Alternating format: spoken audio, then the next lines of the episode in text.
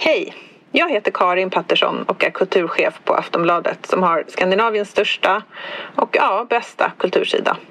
Varje vecka kommer dessutom mitt nyhetsbrev där jag skriver personligt om veckan som gick och gör ett urval ur veckans bästa texter och poddar. Både hos oss på Aftonbladet Kultur och på andra ställen. Nyhetsbrevet kostar ingenting och du får första tjing på inbjudningar till våra event och samtalskvällar om litteratur och idédebatt. Gå in på aftonbladet.se kulturbrevet och bli prenumerant. Hej då!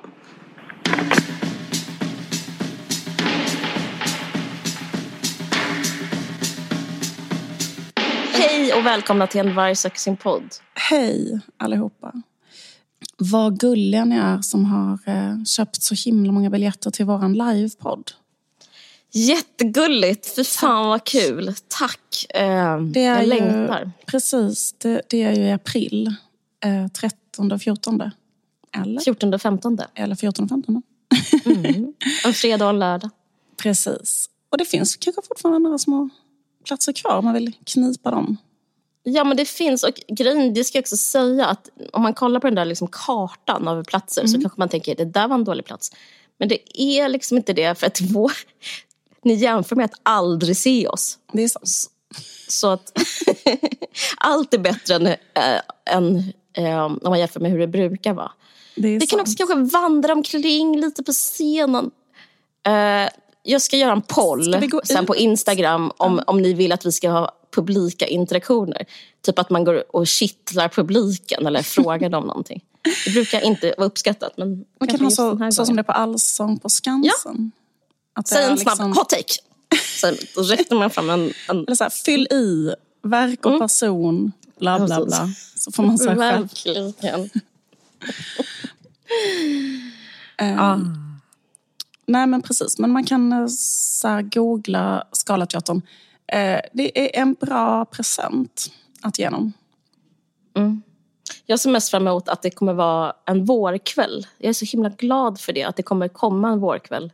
Där det inte är mörkt, utan att det är liksom så en försiktig, en försiktig vår. Och, sådär. och så är man ute på kvällen och så är det ett visst ljus. Jag längtar att bara få vara i det sammanhanget. Allt är så mörkt och hemskt just nu tycker jag. Men det, men det ska, jag ska inte gå ner mig i det. Men Nej, det är lite tufft. eh, det är det. Men jag tycker faktiskt att man känner att man är på andra sidan när januari är slut. Ja, För januari är så fruktansvärt långt. Och nu känner jag att man har liksom klarat januari. Då, nu tycker jag faktiskt känns, nu är det nerförsbacke tycker jag. okej. Ska jag säga något, något depressivt? Ja, ja, ja, jo, okej, ja! okej. Nej. Ja, Nej, men jag... Nej, men jag älskar december. För december är liksom en gemensam effort för då tänds alla ljusen. Ja. Okej, inte 2022 med elkrisen. men det brukar tändas ljus Ja, överallt. Och så så älskar jag januari för det är en skjuts av allt, eh, liksom, allt man kände i december. Men sen kommer baksmällan och det är februari och mars. Det är mina två värsta månader. Men i april har vi vår show och då kommer, eh, då kommer den kommer komma med mm, en sån kraft. Just det. Snödropparnas kraft. Gud Underbart. vad fint. Jag tror att jag ehm, känner så här att eh, nu, nu, nu är man nästan, nu är det nästan vår. Februari är så himla Okej, mm. kort. Mars, då kommer det upp lite blommor. Eller hur? Alltså, Jag ska säga en sak, du har det bättre för du bor i Malmö, ni har tidigare vår. Mm. Eh, så du, du har ett bättre liv, ett objektivt bättre liv. ehm, Ska vi, och ni har, det blir ljust en timme tidigare- vi ska sluta prata om det här konstiga alltså emo-väderleksrapporter nu. Eh, vi kan, vi kan börja precis, podd. absolut. Eh, vi, ehm, Det här var typ som Alex Schulmans pjäs, Tröstrapporter. nej, jag har faktiskt inte Nej, det är hela tiden typ en så här sjörapport som, som, som man ska fatta att det är deppigt med den sjörapporten. Jag har så jävla stora luckor i min... eh, Alltså, du vet, Bildning. Ja, ja, jag, men, alltså, man, jag, jag menar inte bildning, jag menar bara helt vanliga saker man ska veta. Alltså, jag menar allmänbildning. Till exempel så... När folk säger sjörapporten så är jag så här, jag vet inte vad det är för någonting. Alltså på riktigt vet jag inte det. Jag har koncentrerat mig på ett fåtal saker som jag har lärt mig mer om. Sen så har jag liksom, finns det mycket som jag inte har någon aning om. Som är till exempel så här, var ligger Trosa? Vad är Sörmland? Vad är djuraklubb? Jag sa det sista. Djuraklubb, ja, men är inte det sjörapporten? Så tycker jag det är att uh, liksom, bli vuxen på något Ja. sätt. Att man, liksom, man, man gör inte bara val utan man skövlar bort liksom, vitala delar Ja. av livet för att kunna ta ett steg åt ett annat håll. Eller, eller ett piss. Alltså, jag kan inte det. Om, om alltså, typ så här, kanske eh, hur en atom eh, interagerar med en Nej. neuron. Nog om det. Nu ska vi gå in på mitt special, det jag har specialiserat mig på. Nämligen att du har en trevlig tik på någonting. Trevligt. En trevlig tik. Um, nej men, um, jag tänkte prata lite grann om en, en artikel som jag läste i The Cut eh, för några dagar sedan. Eh, och den artikeln heter eh, Do you know how to behave? Alltså, Just vet du hur man uppför sig? För full transparens ska jag säga att du har skickat den till mig. Jag har också läst den så jag kommer kanske inte låta så förvånad som, som Nej, en person som jag aldrig ser har fram emot ett eh, ömsesidigt samtal. Mm. Nej, men eh, det var en eh, underhållande idé av dem, tycker jag. Som var att de försökte... Ja, vett och etikett liksom. Exakt, precis. Däremot, vår kompis Ingrid sa att hon tyckte den var jättetråkig att läsa och kunde knappt liksom, hålla sig vaken. När hon somnade av den. Hon somnade av den. Men då tänkte jag, vet du vad jag tänkte? Nej. Väldigt, väldigt beredd på en riktigt självgod tanke. Mm. Ingrid, du har inte hört våra takes? Ja, men jag tycker alltid att det är kul att läsa sånt här. Eh, hur ska man uppföra sig? Bla bla. Mm. Underrubriken var så här. How to text, tip, ghost, host and generally exist in polite society today. Så det är liksom helt enkelt en eh, modern etiquette guide. Och eh, premissen för att göra en ny etikettguide för moderna tider. Hur ska man uppföra sig för att Mm. vara artig? Det är då att eh, Alltså typ rätt så mycket post, eh, Covid, post ja. liksom, covid, att man har suttit... Alltså då det blev så här, materiella omständigheter ändrade kanske eh, en sätt att arbeta på, att man arbetar hemma och, och sättet att umgås på. Så fick, blev man liksom... precis. Man var tvungen att vakna till en ny värld. Lite det var incitamentet De, eh, det, det här är något att vi känner oss utanför i Sverige. För vi har, har ju liksom inte haft den där skillnaden riktigt. Alltså, alla andra har ju haft det. Mm. vi är nu igen så här, de enda som inget har hänt oss i princip. Eller det var, ju, det, var ju, det var klart att det var så att man inte kunde gå på konsert och så. Men om jag ska vara helt ärlig så... Alltså mitt liv var inte så jätteolikt hur det brukade vara Nej, precis. när det var covid. Mm. Nej, men precis. Men för dem är det klart att det var så här, de kunde inte gå ut eh, på flera månader och bla bla. Precis. Vi, har, vi, vi kan ju inte göra... Vi har ju inte gemensam skämtbas till exempel om att bära en munskydd. Nej. Det finns liksom en hela... eh, en pond där att gräva ur, typ, alltså, med relation till face masks och sånt där som vi liksom inte kan Precis. kanske tycka är roligt eller förstå eller själv säga något kul om. För att vi liksom Just det. Men har de skrivit så här, vi måste, vi måste uppdatera vad som är artigt för att vi har alla blivit så här ringrostiga på grund av pandemin och att liksom världen har förändrats på massa andra sätt. Så eh, våra sociala förmågor har typ förtvinat på grund av det här. Och då har de liksom eh, skrivit, mm, olika medarbetare och journalister och lite olika kändisar och sånt har skrivit en lång, lång lista på så nya etikettsregler. Då. Jag har liksom, gör nu er lyssnare tjänsten att ha plockat ut vissa som eh, jag tyckte var väldigt, väldigt bra. För det bästa är ju typ så här, den här grejen. Det var framförallt en som jag tyckte var svinbra. Gud vad spännande. För, för det bästa tycker jag är den här grejen när man identifierar ett störigt beteende och hittar på en lösning ehm, i ett. Liksom. Vilket var detta. Och det var, den här regeln var så här, om du träffar någon som du har träffat tidigare, alltså när man, när man träffar på någon på typ en fest och säger så här, ah, vi har faktiskt setts förut. Då ska man säga, jag heter Liv. Alltså man ska presentera sig. Alltså tänk dig att du är på en fest och så kommer det fram en människa som för dig är okänd. och säger så här, ah, vi, vi, vi har ju setts eh, förut. Då, då, då är det jätteartigt av den personen att säga, jag heter Ja. Lisa. Agneta. Exakt. Um, det tyckte jag var sånt riktigt guldråd. För det är så otroligt sjukt att gå fram till någon och säga så här, hej, vi har träffat varandra förut. Och sen bara stå och vänta. Läxa upp den med en blick som är, du vet väl det? Du vet väl vad jag heter? Exakt, precis. Så är det nu. Så är det, nu. Så är alla Så är nu. det Typ gå fram till den och säga så här, hej, vi har setts förut. Och sen bara ha sån eh, Sen vänta. öken tystnad. Sånt vakuum. För liksom, man får jättegärna berätta så här, vi har setts förut. Men då säger man så här, hej, vi har faktiskt setts förut. Det var på midsommar 2015. Jag heter Agneta. Så säger man Det ju påminner mig om en annan sak som jag brukar säga till min, eh, både till min brorsa och till min kille. Som är att de ska sluta använda ordet ju. Jag tycker det är så fruktansvärt aggressivt. Så är det ju. så Ja, är alltså, det ju. så- ja. Men vi sågs ju där ju. Vi sågs ju där. Jag bara, men det spelar ingen roll om, om allt är sant. Berätta det för mig som, ändå, som att jag inte vet om det. För liksom det ju är liksom någon slags... Men jag sa ju det. Ja, det är obehagligt. Eh, men, och det är bara liksom en semantisk aggressivitet som inte behövs, liksom, behövs i, i, det mellanmänskliga. Men det var bara en, en parentes. Fortsätt. Sen var det en annan som jag tyckte var jättebra som var så här. Ta inte tag om min midja och flytta mig vid en bar om du är ful.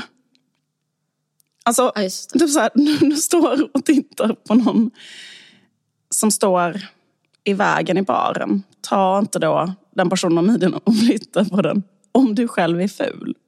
Ja. Det är bara obekvämt och onödigt. Man kan säga ursäkta mig. Eller man kan knacka någon på axeln. Just det. Om du inte är väldigt, väldigt, väldigt alltså objektivt otroligt snygg. Verkligen. Den tyckte jag också var bra. Och sen den tredje som jag tyckte var bra var den här. Det är aldrig för sent att skicka en condolence note till någon. Alltså Ja, som har fått något, någon typ av, varit med av någon typ av fruktansvärd Ja. händelse. Typ att någon närstående har dött eller de har fått någon fruktansvärd sjukdom eller något liknande. Och att, Och att folk inte tror, de tror att de gör en... Jag, jag tror att anledningen att man inte gör det är inte av illvilja utan att man tror att man eh, inte vill bli... Man vill inte påminna den, den, den personen i sorg om sin sorg kanske. Ja. Alltså, så man vill vara försiktig kring den personen. Eh, men, jag tror, men det är faktiskt tvärtom, att man känner sig kanske lite gaslightad i sin upplevelse om man inte får eh, att någon säger så här, jag beklagar din sorg. Alltså det är så mm, rätt att göra det. Precis, och sen så tror jag också liksom att man har rätt mycket förståelse för att folk kan bli så förlamade av sådana där grejer just för att man inte har något regelverk. Så det är bara så här, Aha men typ, någon har varit med om något fruktansvärt dödsfall i nära familj eller sånt där. Och sen så kanske man inte kan säga något om det för att man själv kanske får så mycket ångest av det eller alltså man bara, klarar inte av situationen liksom. Och blir rädd, alltså kanske, vet inte, väcker upp eh, någonting hos en själv som man pallar inte. Och sen så kanske efter ett år så kanske man... Men det är liksom att, att då kan man ändå efter ett år skicka ett sms som är så här, förlåt för att jag inte har hört av mig eller någonting men jag typ är ledsen att det har hänt dig eller whatever. Ja, Men verkligen. Ska jag säga vilken jag tyckte var bra? Jag bara, en, ett, jag bara, en, Jättegärna. Mm. en sak som jag, tyckte, som jag saknade på listan ska jag säga först. eh, Det är när man säger hej då på partyn. Mm. Som jag tycker. Jag tycker det är narcissistiskt att säga hej då. Intressant. På Ja, vilket alltså, sätt? jag pratar inte om middag nu. Jag pratar inte om en dinner party. Jag Nej. pratar om en fest. Ja. Alltså en, en fest som kanske ja, har massa mm, rum och, och massa människor och hit och dit. Att vara så då, nej nu, nu, nej, nu har jag tröttnat. nu känner jag, äh, nu är jag riktigt trött i benen här. Ah, det är en dag imorgon också. Alltså jag tycker det är narcissistiskt att vara ett jag i den typ av kollektiv verksamhet. Så att man går, du menar att man liksom går ska man- runt eller gör en stor affär och att man ska gå? Ja, säg det och, och kanske typ så här, ah, tyvärr alltså, jag måste gå. Sen, sen, sen samma skit till nästa person, till nästa person. Bara, gå! Gå hem. Vi har fest. Det här är då för att jag alltid är den personen som blir tröttast först. Ja. Så att jag vet, alltså jag har lärt mig det här the hard way. ja. Blicken man får när man förklarar varför man går hem är aldrig en glädjefull blick. Det är en, eh, liksom en rastlös blick. ja. För att de vill vidare. De bryr sig inte. De bryr sig inte. Och man vill inte heller De ska inte bry sig. Du får bry dig om du behöver sova. Det är ditt schema. Eller så här, typ, jag har en vit månad så för mig är det Jaha. inte... Eller så här, jag är Jaha. gravid så att jag kommer Jag, bara, Ja. Säg det inte. Drick inte. Låtsas drick. Liksom, det, det, det är oartigt. Så man ska alltid göra en French exit. Alltid. S- det är väl Jag tyckte varmaste. också en bra regel var Mm. när man går på middag, prata inte eller kräv inte olika saker på grund av dina allergier. Utan när man går på en middag så är det den som har middagen ska få laga den maten den vill själv laga. Mm. Och göra det på sitt sätt exakt. Och sen får man, när man kommer dit, eh, peta i sig det man kan äta, hålla käften och sen så, om man fortfarande är hungrig så kan man äta när man har kommit hem. Men där har vi jättemycket att lära av de ätstörda. För de vet att skammen ligger hos sig själv. Ja, Att det är så, jag har eh, anorexi, jag, kommer inte ta, jag vägrar få i mig någonting. ja. Och det är mitt problem Ja. att, in, att liksom lösa hur jag inte ska få i mig något på den här tallriken. Precis. Och få det att se ut som att jag äter. Ja. Och inte liksom skapa en scen kring mig själv. Skulden är min och jag bär den. Mm. Och jag tycker ätstörda är jättesolidariska där med det. De, de bär det jätte eh, elegant. Ja, absolut. Jag har mycket att lära. Jag har ju en sån eh, psykosomatisk allergi mot eh, alltså nötter och mandlar som inte är alltså Jag vet. reell.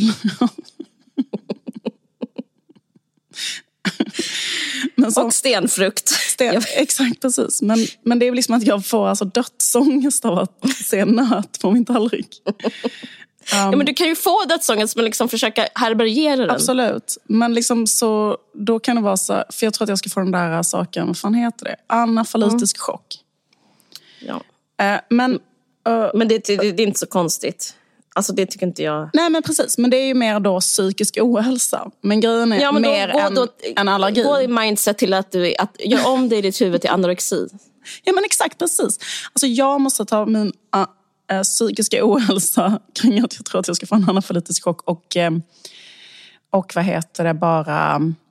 Vänd den inåt. Eh, exakt, eller liksom bara precis, in, inte, inte, inte håll på så mycket med den i, i offentlig, eller liksom, till en person som är, kanske tycker det är roligt att göra mat. Jag måste ta upp en som jag, alltså det här tar jag inte upp för att jag tycker den är så bra, men jag vill ha det som diskussionsunderlag. While on a date, if you find you're talking a lot, ask yourself, when was the last time I asked the question?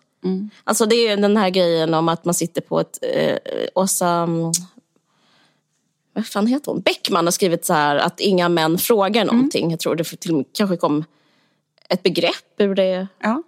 Kanske något med kulturman. Jag vet inte. Men typ som att man sitter på en middag och den man sitter bredvid har inte ställt en annan fråga och det är ofta en vit äldre man. Men den här säger jag också, jag vill bara liksom uttolka den och, och våra vägnar. Be careful what you wish for. För att det är så fruktansvärt. Det, det finns en sak som är värre än att ingen frågar något. Och du ska säga vad det är. Att någon frågar något. Att någon frågar något. Det är det värsta som kan hända att någon frågar något. Ja, det är jättejobbigt. Det är så fruktansvärt att man får en fråga. Det är så hemskt. Nej, Eh, vad handlar din otroligt. bok om? Vad jobbar du med? Hur får det, hur, hur Men hur man- har ni gjort med lägenheten nu då? Förlåt, det frågar jag dig hela tiden. Men du, Ja, men, exakt, men, eller den här. Hur får du din ekonomi att gå ihop i ditt yrke? Alltså, kan du leva på det du gör? Den, den frågan har jag fått alltså, varje gång jag pratar med någon alltså, random person i, alltså, du vet, så här, en frisör, en, alltså, i kanske då 20 år. Mm. Då ska man vara så tacksam att träffa en narcissist. Det kan vara en eh, smala lycka att sitta med någon som berättar om liksom, så vad dens barn jobbar med eller så här, vilken skola dens barn inte kom in på. Alltså det är bara så skönt. Det är bara liksom ett vilsamt sätt att vara på. Jag jag. älskar att. Uh, alltså jag, för, för, jag, jag tycker det är rätt tråkigt att prata om sig själv för att man vet, vet. redan allting om sig själv. För då frågar de typ så här, aha, var bor du? Hur länge har du bott där? Uh, I den staden? Hur kommer det sig att du... Eller mm. liksom man bara säger ja, ja, eller liksom vad, jaha, eller liksom, men, men, uh, eller, eller typ så här... Eller, eller, eller någonting då, liksom, din, din senaste bok och vad handlade den om och typ sådär. Um, Nej men, nej men precis. Däremot så, så älskar jag att fråga ut folk. Det tycker jag är jättekul. Mm. alltså, men tänk om du skulle få de alla frågorna. Det skulle kännas intrusive och Exakt. hemskt och naket. Men då kanske man är jobbig ut. när man är så att man frågar folk saker hela tiden. Men man måste hitta en narcissist. Mm, bra. Folk säger liksom att det inte finns en poäng med narcissister, att det finns för många. Men de, de, de, de fyller en funktion i vårt samhälle som är nej, men att man ska slippa liksom jobba själv, tycker jag. Jag tycker mm. det är mm. underbart. Jag tycker en som var ganska bra var också den här Be up to date with the white lotus. Alltså att... Um, mm, äh, det är artigt. Ja men exakt, att det är artigt mm. att be up to date med white lotus. Så att man liksom inte är så här... Äh, skriker att man inte har sett den och sen så, men den slutade gå för en månad sedan. Och liksom kan inte vänta med att prata om den liksom, ska inte jag få, eller, får inte jag prata då eller någonstans i något sammanhang eller liksom förrän Nej. du då, då liksom typ har semester och hinner se den. Alltså, jag menar, menar bara att om man inte ser den typ ungefär när den går så... Mm. Um, jag vet inte, så får det vara ens eget problem på något sätt. Men verkligen. Jag har en till som jag tyckte var bra. Mm. The grace period for one-on-one -on -one social lateness without penalty remains unchanged at 10 minutes sharp.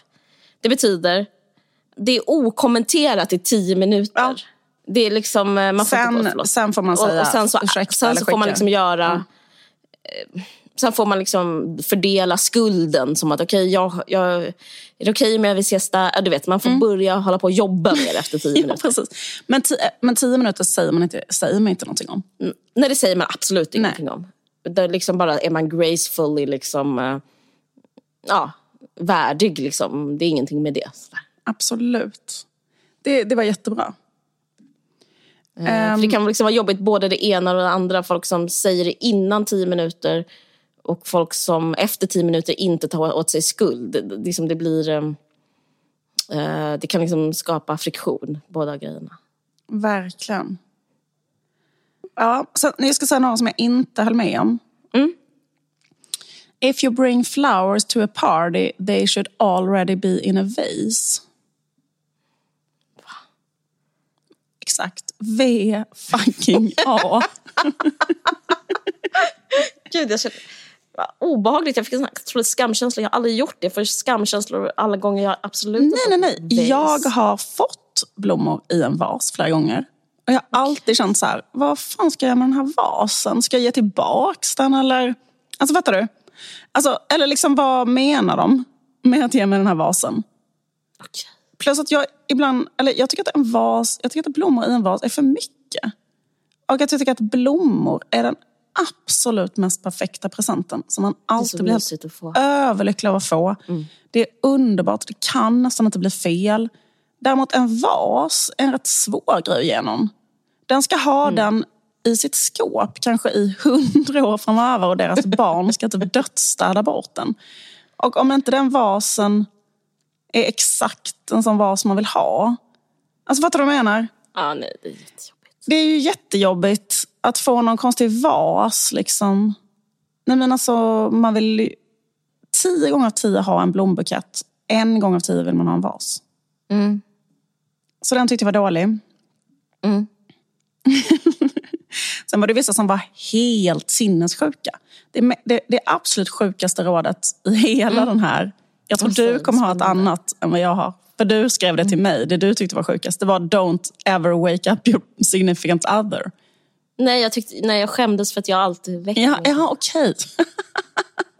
jag, alltså, jag blev ledsen att, det var, att jag gjorde fel.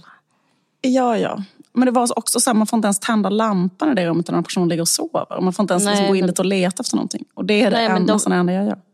Nej, men jag menar, det, de har ju rätt. Alltså det är ju fel av oss om du också gör det. Jo, men absolut. Men samtidigt så kanske inte de menar då att man har familj, eller? För då måste man väcka den här personen, eller?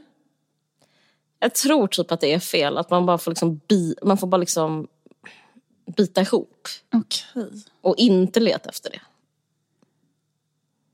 Ja, hemskt, men om man själv det- behöver gå och det liksom... Alltså, jag, jag vet, jag vet. Jag, jag är du, men jag tror att vi har fel. Okej, okej. Eh, okej, men då ska jag säga det, det sjukaste Mm. rådet. Det var detta. Eh, så här, om man har en kompis som blivit ihop med en ny eh, kille. Just det, det var det sjukaste. Jag vet vad jag Det var ska så jävla sjukt. Alltså. Då var det typ så här, för de var så här, det här är lite uppdaterade etikettsregler. För då var de så här, Mm. den gamla regeln är så här, att om man har en kompis som har träffat en ny partner, och man själv inte gillar partnern, då är regeln självklart det enda normala. Det är nämligen så här att om inte personen då um, riskerar att komma till skada, liksom, om det är liksom något, något väldigt liksom, sjukt eller allvarligt, så kan man inte säga bara så här att jag typ inte gillar den här personen. För att det kommer förstöra ens egen vänskap med, med den här vännen självklart då ju. Utan då håller man käften om det såklart. Om det inte är så här, eh, han har legat med liksom, alla vi känner eller liksom, eh, slår dig. Eller, eh, liksom, förstår du vad jag menar? Ja. Eh, men liksom... Eh, Typ knappt... Förlåt. Men, men, men jag har varit i situationer där jag inte sagt något heller. Bara för att det är för sjukt att säga någonting till en kompis. Visst är det det. Men då menar de på att så här, you get one sit down. Så de menar så att den nya regeln att även om partnern inte är liksom något så här, då alarmerande fel, så att liksom det är så, här, så, så ska man ändå typ en gång sitta ner och säga allt man tycker typ är fel med den personens partner. och så är det så, här, men bara en gång. Det var Nej, ett det var det var, det var ett totalt sinnessjukt råd. Grejen är att man vet ju det ändå. Man vet ju alla, ehm, alla sina kompisar som inte gillar ens partner. Alltså de behöver inte säga det för att man känner ju sina kompisar. Eller hur? Ja, ja, ja. Jo, att- det- är sant. Alltså för det jag tror första att de menar liksom att man skulle ha en, en chans att liksom rädda sin kompis på något sätt. Ja, men liksom... Det, är så här, det, det enda som händer är att man sätter sin kompis i en, i en helt liksom, omöjlig, jättejobbig situation. Ja, nej, Som ja, är att liksom, vad fan ska den kompisen, vad ska den göra? Vad ska den göra om den säger så här, "Ja, jag hatar din eh, nya partner? Liksom. Mm. Liksom, det finns ju inget man kan göra. Nej, verkligen inte. Det blir bara liksom en, en lång räcka av så här, okej då, då ska, inte, ska inte jag fråga dig om du vill följa med. Eller liksom, jag vet inte. Då är inte du med på quizkvällen imorgon va? Eller vad ska, vad ska hända? Ja, vad ska hända exakt? Plus att den kommer väl vara med på quizkvällen, för den vill väl ändå det, eller? Alltså den vill väl inte sluta umgås? Eller vad, ska, vad, vad ska man göra?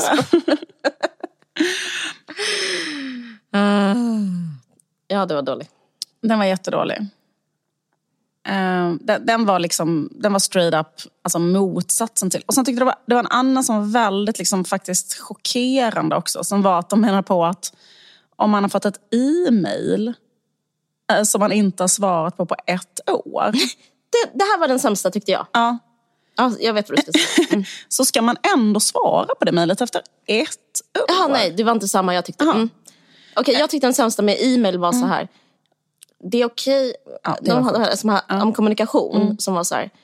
Eh, du får smsa någon och e-maila någon vilken tid på dygnet som helst. Det tycker inte jag är sant. Jag Absolut tycker att det gäller om man har en arbetsrelation så tycker jag man ska göra det Kontorstimmar. kontorstid. Och om man har en vänskapsrelation ehm, så kan man göra det fram till tio kanske. Eh, men om man har nära vän får man göra det när som helst. Jag säger Men- det för att jag gör det med dig alltid. Eh, jag vet, Men men, vet grejen att då ska det fan Ja. mig vara något. För det är också väldigt sjukt att, Ja. liksom, för att ibland kan man ju då kanske sova dåligt eller vakna till. Om någon Ja. håller på att skicka något till en. ehm, alltså, för att, men, Men det måste ju vara idealet i alla fall. Man kan inte, idealet kan ju inte vara att man ska skicka någonting så fort man känner för någonting. Nej, det för, för, för dem, an, anledningen till det var att de menar att man kan ha sån här um, inställning på sin telefon som är så att man kan tysta notiser. Grejen är att vi neurotiker, vi hysterikor kan ju inte ha så här tystade notiser. Alltså förstår du vad jag menar? För jag vill veta om det har hänt något. Alltså en bilolycka i... Ja men du vet, eller hur? Nej. Ah, och då kan inte jag ha någon som... Det är otroligt liknöjt att ha en tystad notis. Det är bara så. Då, Då ligger man- man... och sussar sött. Då behöver Can't man, man kan tysta sina notiser, då behöver man inte tysta sina notiser om du förstår vad jag menar. Då är Ja, man en sån oneurotisk person som är så här, Då är man nöjd. då är man verkligen nöjd. Då har man redan... Man, man är mätt och belåten då. Man har, man har inte såna mörka ringar under ögonen. Liksom, man har inte ett spräckt blodkärl i ögat av rädsla.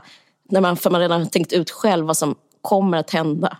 Och så, och så får man inte ens Jag tycker att man kan sms. skicka mejl äh, mitt i natten och svara på till exempel jobbmejl och sånt. Ehm, i, i, men, men inte skicka sms. jag gör det, alltså, jag har gjort det jag, jag tycker det kommer, from, liksom, ska man säga, det kommer från en mörk plats. Mm. Jag kommer ihåg när, i slutskedet av min bok så var nästan alla mejl från mig skickade 03.40. Och det betyder liksom att jag, om jag hade haft, liksom, om jag var förbjuden att göra det, tror jag faktiskt skulle hjälpt mig lite. Det var liksom re, det var gränslöst, regellöst och liksom ångestdrivet.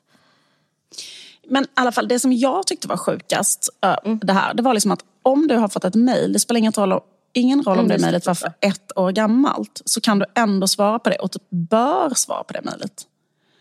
Alltså, mm, för, för liksom jag tycker att regeln, etikettsregeln för mejl, alltså om jag Mm. mejlar någon och ber någon om någonting, typ så här, vill du göra det här jobbet eller vill du vara med? Så här, om den personen inte svarar och inte svarar på sig en vecka eller fyra dagar, och sånt där, då tar jag det som ett nej. Och det gör ingenting.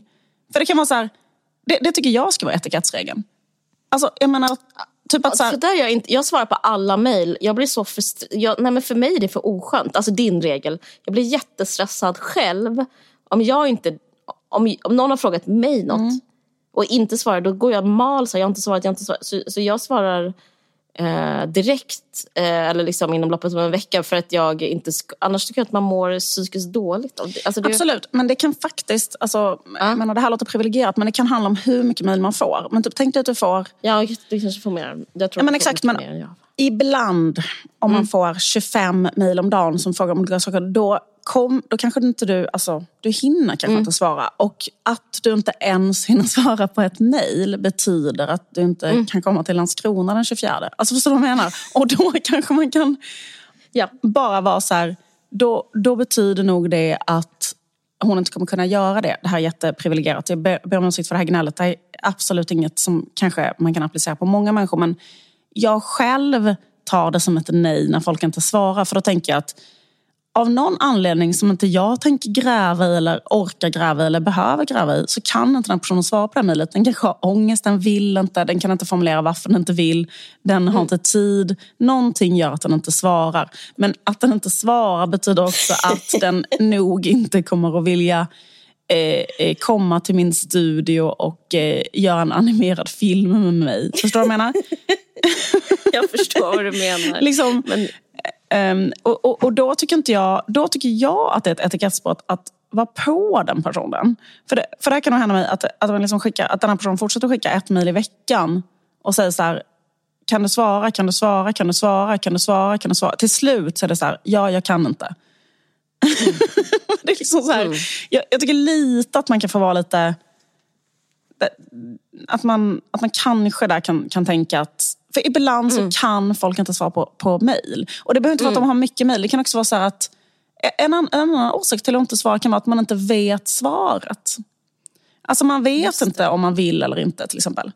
och då um, är det också rätt svårt att svara. Liksom. Och då hjälper inte det om man skickar 40 nya mejl för att man vet fortfarande inte om man vill. Liksom. Alltså, Nej, de kanske tror att du inte sett det då eller någonting. ja men precis, exakt. Men det där är också personlighetsfråga. Du, du, verkligen, vet du, du pratar med fel person eftersom jag svarar på varenda fils- Facebook-meddelande också. Ja, för att ja. jag är så rädd för att eh, någon ska liksom ha en o, alltså någon ska känna något obehagligt inför... Mhm. Alltså, men det, ja. Det, Ja, men precis. För jag kan känna mer så här, typ, du vet att både Tove Jansson och Astrid Lindgren hade en policy att svara skriftligt, hand, handskrivna skriftliga brev, svar på alla som skrev till dem. Astrid Lindgren alltså. Mot slutet av hennes liv... handskrivet behöver man inte göra. Men jag svarar på alla som skrivit Ja, mig. Men, men att hon tänkte hur många brev Astrid Lindgren fick från barn. Ja. Och det var Men tänk därför- vad jobbigt att skriva ett brev så kanske inte var så många ändå. Nej, men vet du vad? Det är därför hon inte skrev någonting alltså på sina sista 15 år som författare. För att hon hann inte det. För att hon skrev bara svarsbrev till människor som skrev... Men det är faktiskt sant. Jag fattar. Och då kan man fråga sig så här, ifall man ska eh, skriva till en författare och be om olika saker. Då kan man fråga sig, vill jag helst att den här författaren skriver en ny bok? Eller vill jag att den svarar på min konstiga fråga? Alltså förstår du vad jag menar? För kanske vill jag hellre ha en ny Ronja Rövardotter. Alltså förstår du vad jag menar? Eh, om jag ska vara helt ärlig, alltså jag vet inte. Jag, jag tycker det är ett jätte, jag blir jätteledsen när jag tänker på all den tiden som Tove Jansson använde till att svara på människors konstiga frågor och mejl. När hon hade kunnat skriva fler noveller. Men hon kanske ville svara på mig. Hon ville Hon det. kanske kände sig i kontakt med eh, läsarna. Det är sant. Hon hade ju själv hon hade typ en slags barndomstrauma som var att hon hade skrivit till en författare som inte svarade. Och då var hon Ja. så här, det här ska jag aldrig göra mot någon för det var så jobbigt. Jag fattar. Jag, vet du vad? Jag, jag har aldrig skrivit till någon författare.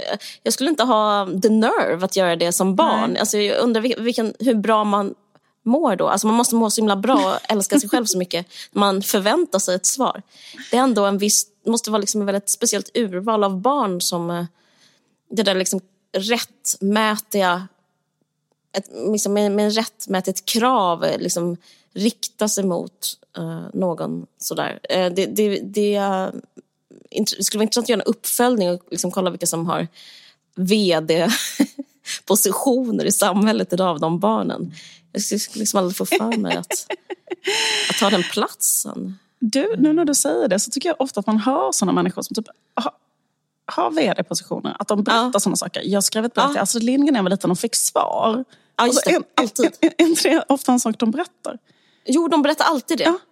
Fy fan vad intressant. Ja, det, det är liksom en, en självbild som är väldigt... eh, Mm. Alltså det är inte lilla musen i hörnan direkt som skriver sånt brev. Nej, precis. Och med, med en fråga i slutet. Berätta vad du tycker.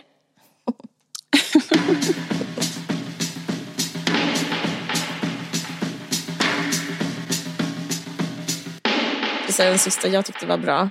Som, jag, som har varit en hjärtefråga och ett skämt. Eller liksom, vad ska man säga? Jag har lett i mjugg åt det här ända sedan jag hörde den här nyheten. Det var ungefär två år sedan. Då de pratade om hur eh, att eh, franska, eh, franska ledamöter i EU-parlamentet tyckte det var så outhärdligt att sitta bredvid svenskar på de här middagarna de har efteråt. För att de bara pratade om eh, var de bor och vad de jobbar med. Och att eh, de hade sagt att eh, liksom, alltså blivit en diskussion inom EU att läser inte svenska EU-parlamentariker böcker, liksom litteratur? Eh, för att alla bara pratar om sina bostäder och eh, sina jobb, alltså förutom det de... Eh, så det var- här var liksom på Aktuellt jag såg där. Och nu så läste jag en regel som var så här, fråga aldrig någon någonsin vad de jobbar med. Ja, Och eh, jag håller verkligen med om det. verkligen. Eh. Och, eller liksom... eh, Det, För det är för tråkigt. Ja. Och i Stockholm frågar man alla alltid var man bor. ja. Det är för själadödande. Alltså jag håller med de här EU-parlamentarikerna att man måste liksom förflytta liksom till en mer andlig nivå. När man, När det, är, liksom, när det är en fest eller När när det det är en middag, liksom. För, liksom, Ja, för det är så ja. ångestdrivet. För jag fattar den där grejen att man håller på med det där. Var bor du? Eh, Liksom, hur... Sådär. Eh, Eller liksom en, en, eh, tyvärr, alltså som jag försöker hindra mig själv från att fråga hela tiden. Men så det enda jag börjar gaffla med folk om allt det är så bara vilken skola går dina barn i? Är den skolan bra? Och vad tycker du? Alltså, vet, så här, men det är liksom så här, man också bara så här, men sluta för nu kan inte du bara istället fråga, liksom, v- försöka, alltså det är också, det är också, flytta? det är också en livs... eh, Alltså en livshållning. alltså typ att kan Ja. man försöka vara i nuet och nu kanske vi kan koppla bort... ehm, eller vänta, kan vi prata om vad vi tyckte om Morgonstjärnan? Eller kan vi bara, eh, jag vet inte vad, skratta Men faktiskt att man pratar om vädret är bättre eller Ja, maten. Eller absolut. liksom någonting som inte är det här logistiska, Exakt. logistik. Det är som att man är där för att få information Ja. istället. N- Något matnyttigt. Ja. Men sen är den där andra liksom aspekten känns- att hålla på och fråga vad folk jobbar med och sånt. Att det blir, Ja. För det var ju det att de var så att it's classist. Alltså, Ja, just Ehm, det. för, men för, jag, jag tycker inte direkt att det är klassiskt att, Nej, ehm, nej. att fråga vad de jobbar med. Men däremot tycker jag att det är väldigt oartigt och väldigt klassiskt som jag har sett många Mm. göra mot vänner jag har som jobbar inom arbetaryrken. Typ att när man är på Mm-hmm. en fest med dem och de får, och så frågar någon dem vad jobbar du med? Och så säger de vad de jobbar med då. Eh, Och då, säger, då, och då svarar de här mer högutbildade personerna, men vad vill du göra egentligen? Och det har jag varit med om jättemånga gånger. Att någon säger så här, ja, ja, det har jag hört jättemånga gånger. Folk är så oartiga mot folk som säger sådana saker. Alltså, det, det är sjukt hur oartiga, alltså, överklass, alltså, eller vad ska man säga, högutbildade människor mot folk som har knega jobb. Det är grovt ofta vad man hör att de säger. Det kan Ja. man tänka på. Att försöka inte skrika, vad är dina drömmar? Gud. Vad är dina riktiga drömmar? Vad gör du egentligen? Usch. Då, då, precis, precis. Nej, men, Men då är man ju oartig helt enkelt. Ja. Ja, och Mm. då, för att återknyta, då är det bra att ha, eller träffa en narcissist. För de skulle aldrig få fråga någon annan, vad är dina drömmar? Nej, precis. Vad jobbar du med? De skulle bara berätta om sina drömmar, om vad de jobbar med. På ett jätteskönt, avslappnande sätt.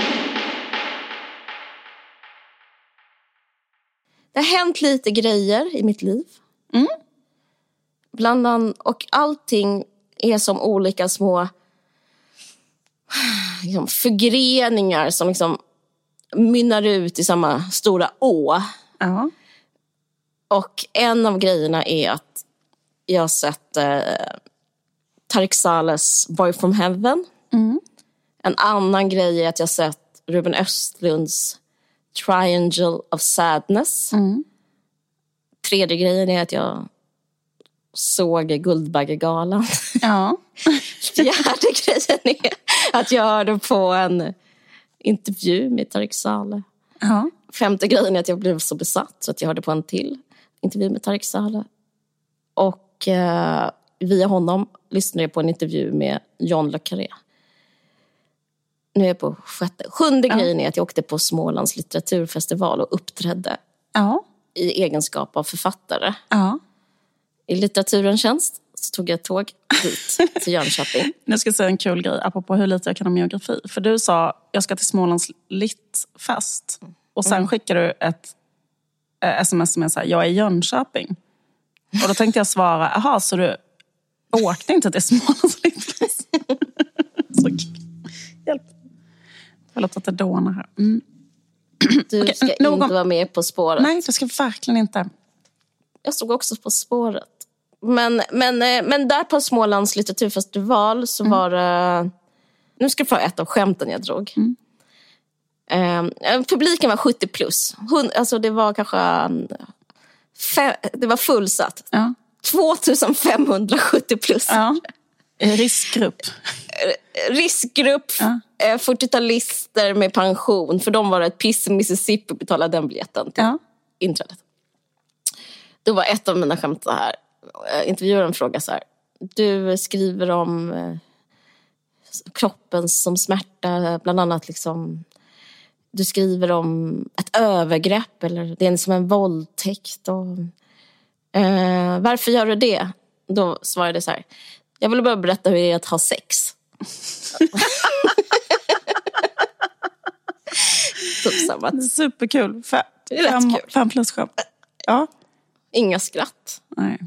Men, men eh, apropå eh, Tareq Saleh och På spåret och att sitta där. Så sa han, en, av alla intervjuer, sa han en intressant grej som var... När jag kommer ut med filmer, nu sitter jag och pratar om mig själv här jättemycket.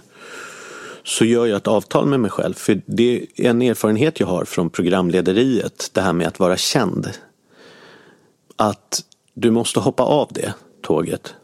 Du måste hoppa av det tåget för att kunna skapa igen. Och för att kunna liksom fokusera på andra saker än dig själv så att säga. Och därför så gör jag som ett avtal med mig själv. Och, och jag har gjort det så många gånger nu. Jag, jag är inte offentlig när jag inte har en film. Då Som drar jag, du dig undan från jag, den. jag drar helt mig undan, undan offentligheten. Och jag är egentligen, nu kan du, det, det här låter som en paradox. Vi har suttit och gaggat om min barndom och allting. Jag tycker inte att jag är intressant som person. Det kan också vara det att jag liksom gått lite för långt. Det har gått för lång tid. Alltså mitt fönster har stängts.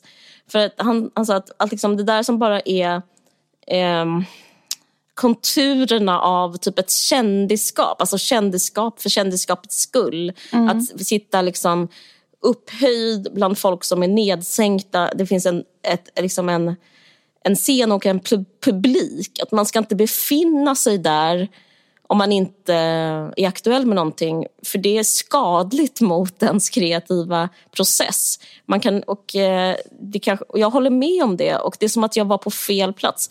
Jag vill inte vara i eh, någons blickfång nu. Jag vill inte vara i en... Eh, jag vill liksom inte vara känd. Och han, jag tycker det är så intressant med På spåret, varför man aldrig ska vara med På spåret. Mm. För det är också en, som en sån grej som att vara med På spåret gör man inte för sin egen, så här, jag är aktuell med det här. Nej. Utan det är man bara för att man är med med sig själv.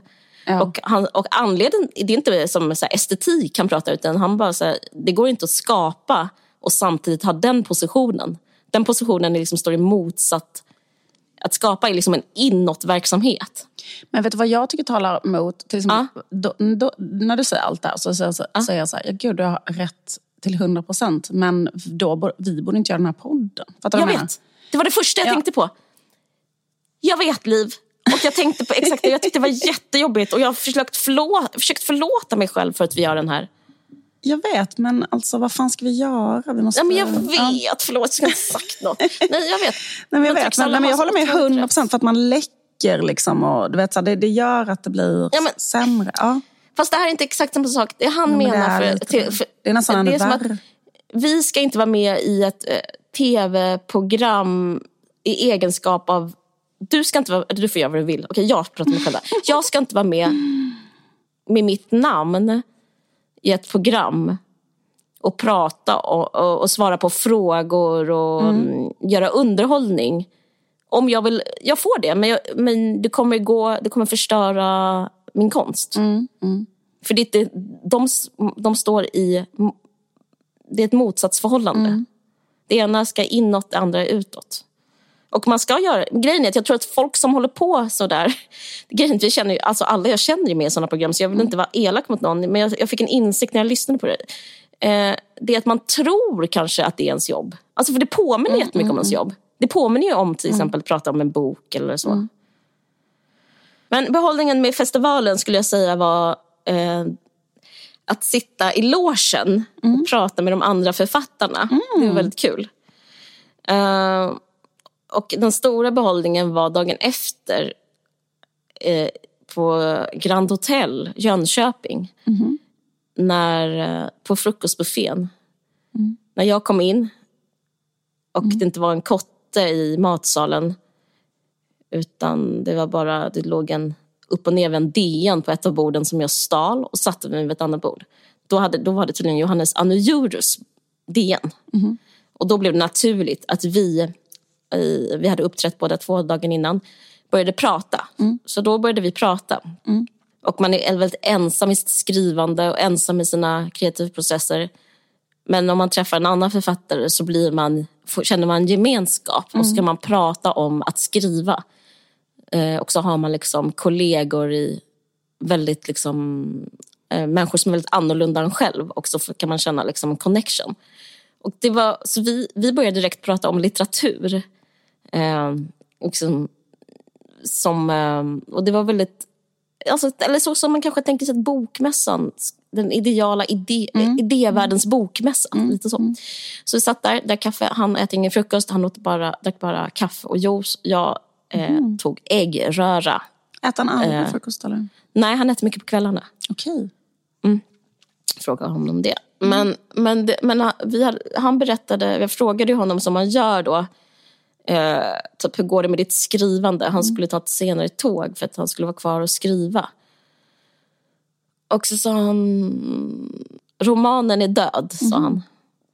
Det vi har hållit på med, även du, är är förbi. Mm.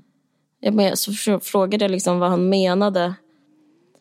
Nej, och då menar han liksom att den formen för romanen som man hållit på med de senaste 10-15 åren. Att romanen har haft ett syfte att liksom som ett slags skapande av, det, av liksom den här woke-kulturen. Som att även romanen har varit inne, in, ett inlägg, alltså den har liksom ja. velat någonting som ett slags inlägg i en debatt om eh, eh politiken eller mm. samhället. Mm. Att romanen inte har varit Alltså romanen har um, fungerat liksom som en, ett väldigt, väldigt tjusigt debattinlägg kan man säga. Mm. Uh, jag tror jag sammanfattar honom rätt. Och att han kände äckel inför det. Mm. Eller, eller så är det jag som känner äckel för det. Jag tror att jag sa ordet äckel. Men, och han kanske mer sa att det inte kändes roligt längre. Nej. Att den här formen för det Mm, det känns dött och meningslöst. Och mm. Vad är då litteratur? Mm. Om det är dött, vad finns det annars? Mm.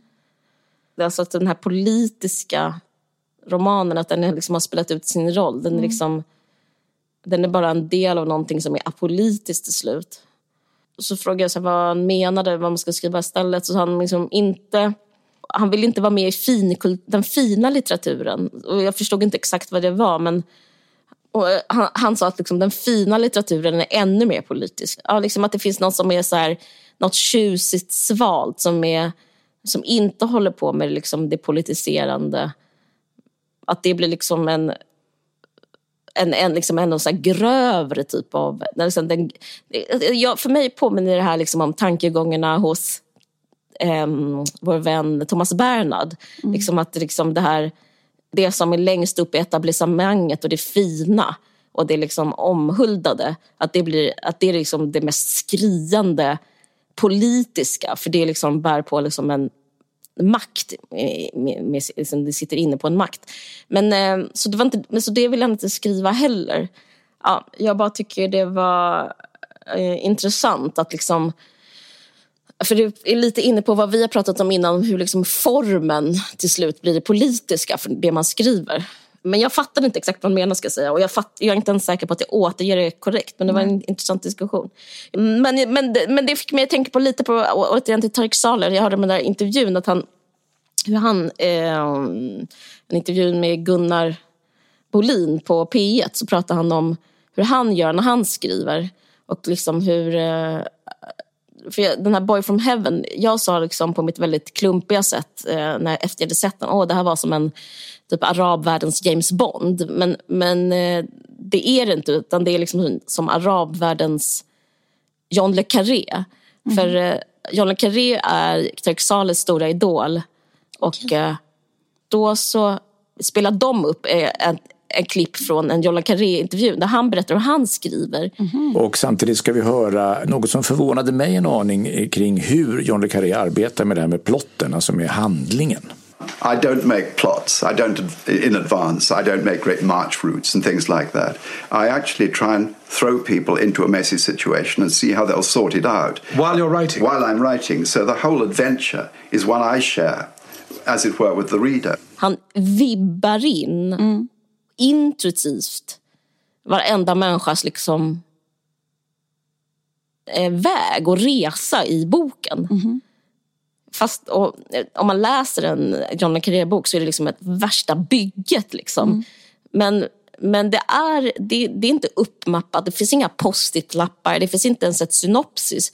Utan det är bara liksom hur han eh, emotionellt tar nästa steg när han liksom kan ligga nära, eh, nära personerna och människorna i boken. Mm. Så han liksom är dem mm.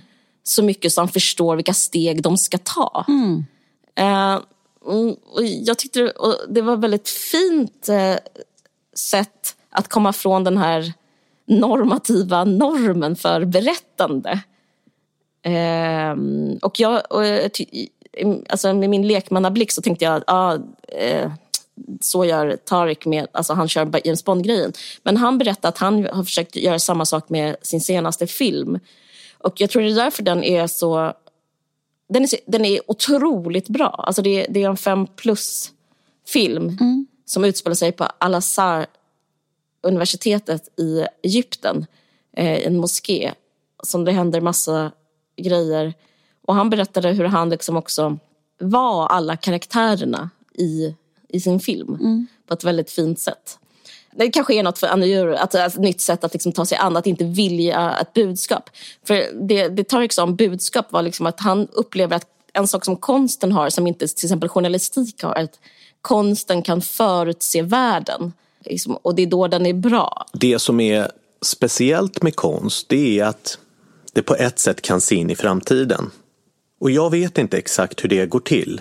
Om man, om man säger så här, både Boy from Heaven, eh, Triangle of Sadness och Holy Spider som just nu är, är liksom filmer från Skandinavien som de har båda sett in i framtiden. Eh, och det är ganska skrämmande. Och i min film så beskriver jag hur eh, den religiösa institutionen i Egypten som är den mest betydelsefulla i sunni-islam eh, eh, försöker förhålla sig till den politiska makten. Och eh, jag menar, i förrgår så uttalar sig Al-Assar om Sverige och säger att man ska bojkotta svenska varor för att Paludan har bränt Koranen. Och, men, han, men han visste ju ingenting om att den här koranen skulle brännas. Men det blev som att filmen handlar också om det. Eh, vad som händer typ, om man bränner en koran. och typ, eh, för, för att, och han pratar om att konstnärens roll, eller författarens roll, är att liksom, han pratar om magi. Liksom, att, så här, och det var rätt härligt. För att konstnärens roll är att liksom känna så mycket. Så att man kan liksom känna in en samtid och sen hitta, hitta på den samtiden. Och sen kommer den hända. Jag menar så här att journalisten som då rapporterar om samtiden ligger hela tiden steget efter. Och konstnären ligger steget före. Ja, Hans filmer är verkligen så att han har gjort någonting, han har skrivit om någonting, eller liksom berättat någonting och sen så har det hänt med Trump eller något liknande efteråt och sånt där. Eh, och kan säga att det är konstnärens roll. Eh, men att journalistikens roll är sammanfatta det som redan har hänt. Just det. Och det skulle jag säga kanske har varit... Det kanske det liksom man har fått som slags, blivit smittad av. Att inte liksom verka, verka på det andra sättet. Just För att man kanske tror, på grund av att, liksom, den liksom, att det ska finnas en sån medveten tidsanda eller woke-tidanda så kanske du tror att det enda, enda sättet att hitta sitt eget existensberättigande så är formen för liksom Fast Ölbeck kanske inte stämmer. Ölbeck är mer som, eh, skulle jag ändå säga, Ölbeck påminner mer om det som Tareq gör. Ja, att man precis, kan han förutse någon slags, vibba in någonting så mycket så han kan berätta om det innan det har hänt. Liksom. Ja. Det är mer han. Eh, det är ju verkligen, stämmer verkligen på honom. Ja, det var, det var, det var kul att prata med honom i Euro. Det var kul att höra Tareq Saleh berätta. Men jag tänkte också på att det var speciellt att eh, han knappt vann några Guldbaggar men att Ruben Östlund vann alla. Du, du, jag gillade den filmen. Du har ju också sett den. Alltså, Triangle of Jag har bara sett den, jag har inte sett den här. Nej, okej. Ja. Ja. Ja, men jag vet inte. Jag, tycker att det finns, jag tyckte den var jättebra. Jag tyckte det fina var med den... Jag tyckte det fina var liksom det relationella. Alltså det, till den där mannen som spelade en manlig influencer, Carl, var väldigt fin. Och, Ja. alltså, det liksom, Han och hans förhållande med den där tjejen. ja, det Absolut, var det var, det var bra. vackert Ja. och, och, och liksom, liksom, eh, öppnade till någon sårbarhet. Och det Men jag var, tyckte det var allt- ganska mångfacetterat. Att det, var så här, Ja, det, var inte så här, eh, det var inte en karikatyr. Eller man ska säga så, Det var absolut ingen karaktär. Nej, det var liksom det berättat var- inifrån och Ja. ut. Precis. Och det är liksom lite applicerbart på... Jag vet inte om jag låter för flummig, men det får vara vad det är. Liksom. Men det är lite applicerbart på liksom att... Det andra var mer liksom som kommenterande utifrån och in. Mm, det andra var Eller mer jag- som satir. Och Ja. deras förhållande var inte det. Ja. Precis, men det deras förhållande som, som jag tyckte var det unika med filmen. Jag tyckte inte det unika var liksom att en samhällskritik eller liksom att, det, att dri, det, liksom en kritik mot klassamhället. Jag tyckte inte det var raffinerat berättat Nej. om klassamhället. Nej. Att en man säger så här, jag jobbar med handgranater, det är så vi har fått Nej, pengar. nej, nej. So, what business do you have together? Oh, it's a family business. producing products in precision engineering. What do you manufacture? Well, our products have been employed in upholding democracy all over the world.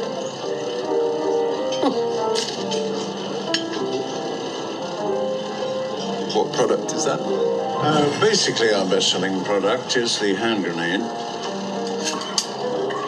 Sorry, the what? The hand grenade, dear.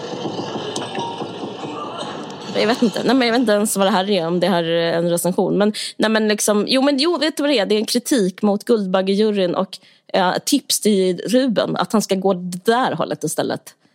Men det kan kännas, tror jag, som att det som är rätt eller det som är bra är att göra en samhällskritik. Och jag tror typ Ruben tror det och jag tror Guldbaggejuryn tror det och jag tror Cannes-juryn tror det. Men det är inte det. Det som är rätt är liksom den upplevelse man får efter att ha sett from Heaven det med politik är ju så här, det svåra är ju det att det är så i verkligheten att mm. någon har blivit svinrik på att sälja handgranater mm. som har sprängerbarn typ och att ingen, det känns som att det finns något verktyg eller någon mm. Rörelse um, för att hindra det. Alltså, eller att är en procent äger allting eller, alltså så här, eller att det är klimat uh, apokalyps. Okej, liksom det, alltså... gud vad bra att du säger det. För nu kom jag på vad jag skulle säga. Ja, ja. Ex exakt så är det. Ja, och det är fel. Ja, men det är jätte, jättefel. Det är fel. Att, det, är det, det, det, är helt oacceptabelt. Men, det är orättvist, eh, eh exakt, men, men jag, tror att, jag tror att lite grann så här, kanske för att man för att man inte har hittat, för att man inte, för, för att man inte, för att man inte kan, för att man är så himla maktlös. Mycket av detta ja. handlar också om att ja, mycket av politik är så reglerat ja. av globala avtal och så när det gäller ekonomi och så. Så det ja. är ganska lite som typ, så kanske ett lands regering kan göra för att så här, beskatta eller liksom fossila bränsleindustrin, eh, få dem att ändra sitt tillvägagångssätt och så. Alltså sådana saker, att man är ganska maktlös i så här, demokratier mot det globala kapitalet. Liksom. Så att även mm. vem, vem, du röstar på, vem, att det spelar så lite roll och har spelat mindre och mindre roll att de som är vid makten ändå måste, de är bundna av de här avtalen. Så att det är de facto så att, att man har mindre och mindre medborgerligt inflytande över de här sakerna. Att folk, alltså demokratin mm. är urholkad på det sättet. Liksom. Och jag tror att man känner av det, att det inte finns något mm. man kan göra. Samtidigt vet man att det är fel. Och då är liksom konst, eller man ska säga, liksom ett eh, litet tillhåll där man kan få vara. Typ en sån sandlåda där man kan få säga det här. Men det spelar ingen roll. Liksom. Men grejen är, jag tycker, jag, det är så intressant för grejen är, jag vill själv säga det här. Ja. Jag vill själv protestera mot ja, det här. Just. Och jag vet att Ruben Östlund vill det. Han vill mm. väldigt explicit. Jag mm. vet att Tareq Saleh vill det. Mm. Han, han, ville, han sa det också i sin mm. intervju. Mm. Att han, han blir så arg. Alltså att han, alltså att han mm. blir liksom... Han skriker av ilska liksom, av de här klasskillnaderna, av fattigdomen, barnfattigdomen och så vidare. Men, men grejen är, sen såg jag den här händelsen vid vatten som är till synes apolitisk men blir liksom mycket mer politisk än uh, Triangle of Sadness. För den gör någonting som är Alltså den berättar... Det, bara hand, alltså det handlar egentligen kanske bara om teknik och hantverk. För det den gör är att berätta inte om... Eh, pekar ut liksom aggressorn eller som en handgranatsägare. Utan mm. den pekar ut en slags kugge i ett maskineri. Alltså den pekar ut liksom en, den lilla människan liksom subjektet för de små skiftningarna av makt av maktmissbruk. Alltså till exempel, det, det handlar liksom om en, en liten by som är väldigt lokalpatriotisk så de inte släpper in någon som är utanför byn. Mm. Och så är det liksom bara små, små medel av... Alltså det är inte ens rasism. Det är bara markeringar och... Liksom, de visar ingenting om utanförskapet. De visar bara extremt mycket om innanförskapet. Som gör att man förstår utanförskapet fast det inte ens nämns i filmen. Mm eller i serien. Alltså det är väldigt... Eh, jag tycker liksom det, den är det mest, bland det mest politiska jag sett på alltså väldigt länge. Och, och, och då Triangle of Sadness inkluderat. Och jag tycker att Boy from Heaven som handlar om det här universitetet i Egypten och moskén är också det mest politiska. För det, det, det pratar aldrig om, nu säger plattityder, det, det, det, är bara liksom på ett väldigt så här finlirigt sätt gör den att man förstår eh, makt. Eller, alltså, jag tror att det Ruben Östlund vill är samma sak men han gör det på det där stora sättet som gör att det inte handlar om människor nästan, utan bara typ nästan, det står nästan en rubrik över scenen. Liksom. Det är intressant att tänka på formen och liksom budskap, eller ens roll på något sätt.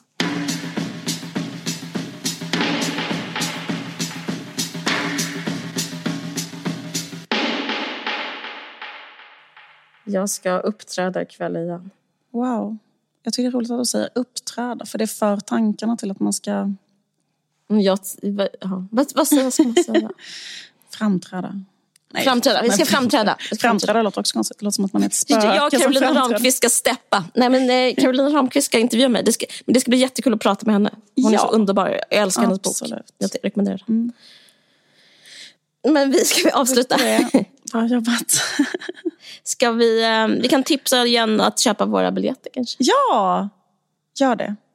Vi säger så. Okay. Ha det bra. Hej, hej. hej. Du har lyssnat på en podcast från Aftonbladet. Ansvarig utgivare är Lena K Samuelsson.